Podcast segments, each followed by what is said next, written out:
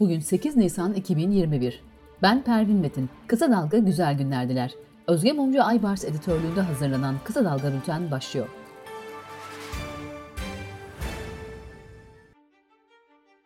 Emekli amirallerin Montreux bildirisi için CHP'yi suçlayan Cumhurbaşkanı Recep Tayyip Erdoğan, CHP darbe kokan bildiriyi aklamaya çalışıyor.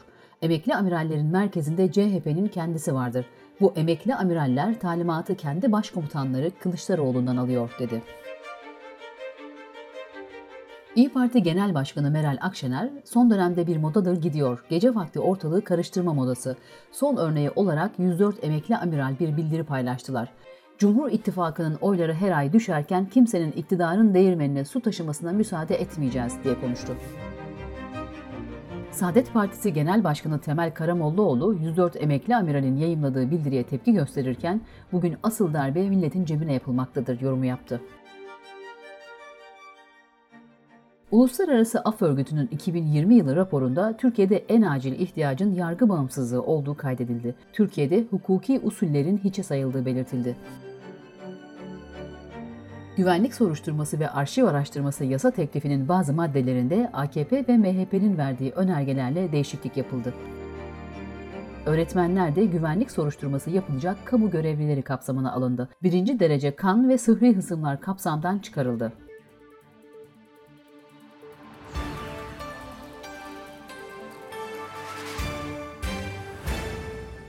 Anayasa Mahkemesi, IŞİD'in 10 Ekim 2015 tarihinde gerçekleştirdiği canlı bomba saldırılarında yaralanan Hasan Kılıç'ın yaşam hakkının ihlal edildiğine karar verdi.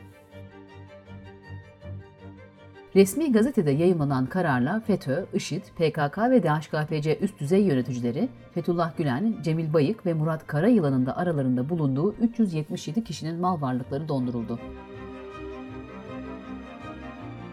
Son iki aylık dönemdeki yağışlarla İstanbul'da içme suyu sağlayan barajların doluluk oranı %76.53'e, İzmir'de %70.80'e çıkarken Ankara'da bu oran %39.28 düzeyinde kaldı. Covid-19 haberleriyle devam ediyoruz. İngiltere'de yayınlanan Lancet Psychiatry adlı tıp dergisinde yer alan son bir araştırmaya göre COVID-19 hastaları solunum yolu rahatsızlıkları olan diğer hastalara göre daha fazla nörolojik ve psikolojik sorunlar yaşıyor. Ankara Büyükşehir Belediyesi artan koronavirüs vakaları nedeniyle Belediye Başkanı Mansur Yavaş'ın tüm randevularının iptal edildiğini ve belediyeye ziyaretçi sınırlaması getirildiğini duyurdu.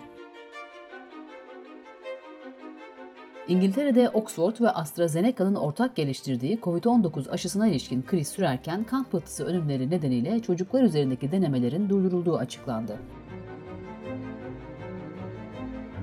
Türkiye'de koronavirüs salgını daha önce görülmemiş boyutlara ulaştı. Günlük yeni vaka sayısı 50 bine dayandı. Uzmanlar hemen şimdi 28 günlük tam kapanmaya gitmemiz lazım uyarısı yaptı. Danimarka hükümeti normalleşme adımı olarak bir tür bağışıklık pasaportu uygulaması başlattı. Korona Pas adı verilen uygulama kapsamında aşı olanlar, hastalığı atlatıp bağışıklık kazananlar ve negatif test sonucu alanlar belirli hizmetlerden faydalanabilecek. Sırada ekonomi haberleri var. Cumhurbaşkanı Recep Tayyip Erdoğan son dönemde bir miktar artış gösteren enflasyonu yeniden tek haneli rakamlara düşürmekte kararlıyız dedi.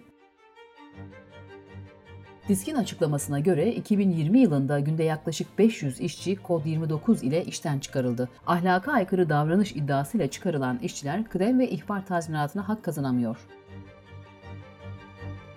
ABD'de yayımlanan Forbes dergisi yıllık dolar milyarderleri listesini açıkladı. Listeye 2021'de Türkiye'den 26 kişi girdi. Murat Ülker 6.3 milyar dolarlık servetiyle ilk sırada yer aldı. Türkiye'de milyarderlerin toplam varlığı son bir yılda %39 oranında arttı. Uluslararası Para Fonu IMF 2021 yılında Türkiye ekonomisinin %6, 2022'de ise %3.5 oranında büyüyeceği tahmininde bulundu. IMF Ocak ayında da aynı tahminleri açıklamıştı. Dış politika ve dünyadan gelişmelerle devam ediyoruz. İyi Parti Genel Başkanı Meral Akşener ve Ankara Büyükşehir Belediye Başkanı Mansur Yavaş'ın Uygur Türklerine dair paylaşımları sonrası Çin Büyükelçiliği ile yaşanan gerilim Pekin'e taşındı.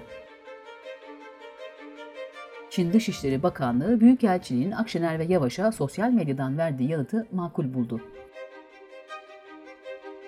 AB heyetiyle Cumhurbaşkanı Erdoğan görüşmesi sırasında oturma düzeni krizi yaşandı.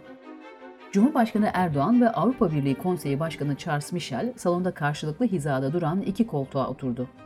Avrupa Birliği Komisyonu Başkanı Ursula von der Leyen ise ayakta kaldı. Bu görüntüler Avrupa basını ve sosyal medyada tepki çekerken Washington Post gazetesine de haber oldu.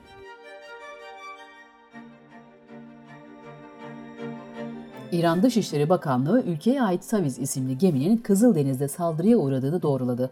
Geminin korsan karşıtı bir misyon çerçevesinde bölgede olduğu belirtildi.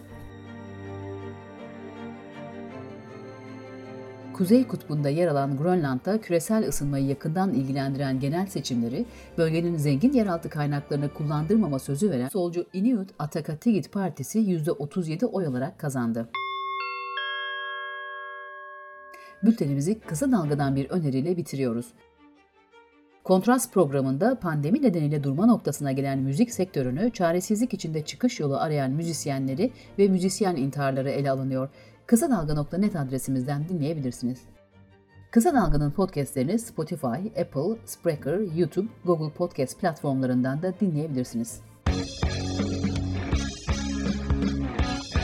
Gözünüz kulağınız bizde olsun. Kısa Dalga Medya.